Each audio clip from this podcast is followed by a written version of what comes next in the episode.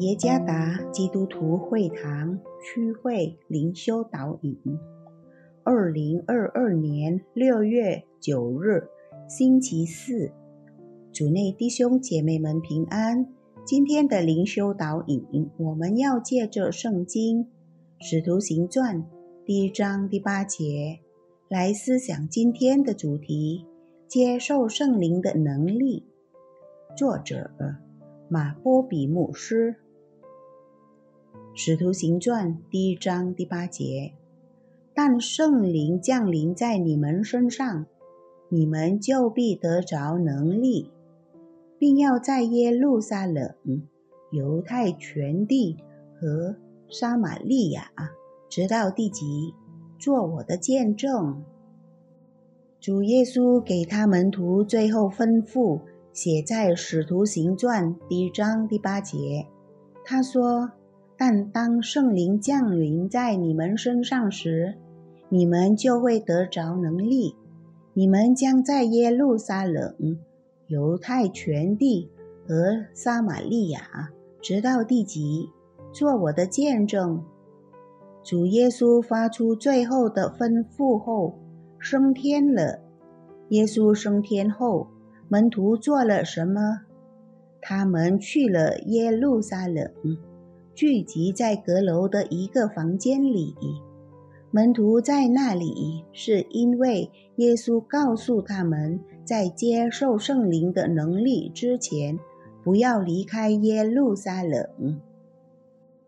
门徒们在等待耶稣所应许的，就是在五旬节那天接受圣灵。五旬节是圣灵降临、充满在使徒身上的事件，就像燃烧的火焰蔓延并停留在他们身上，然后他们开始说方言。很多人看到后都惊奇，并以为他们疯了。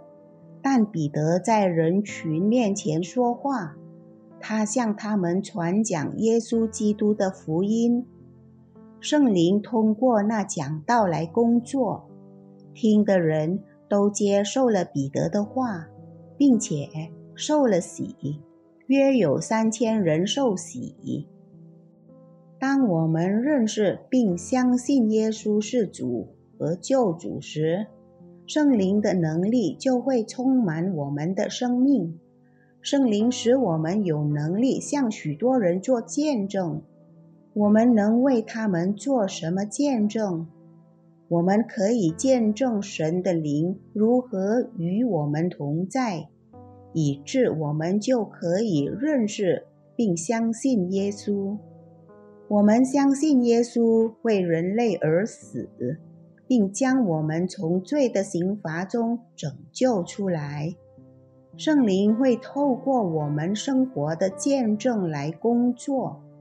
让其他人能体验到他大能的触摸，这种力量使他相信耶稣是他生命的救主。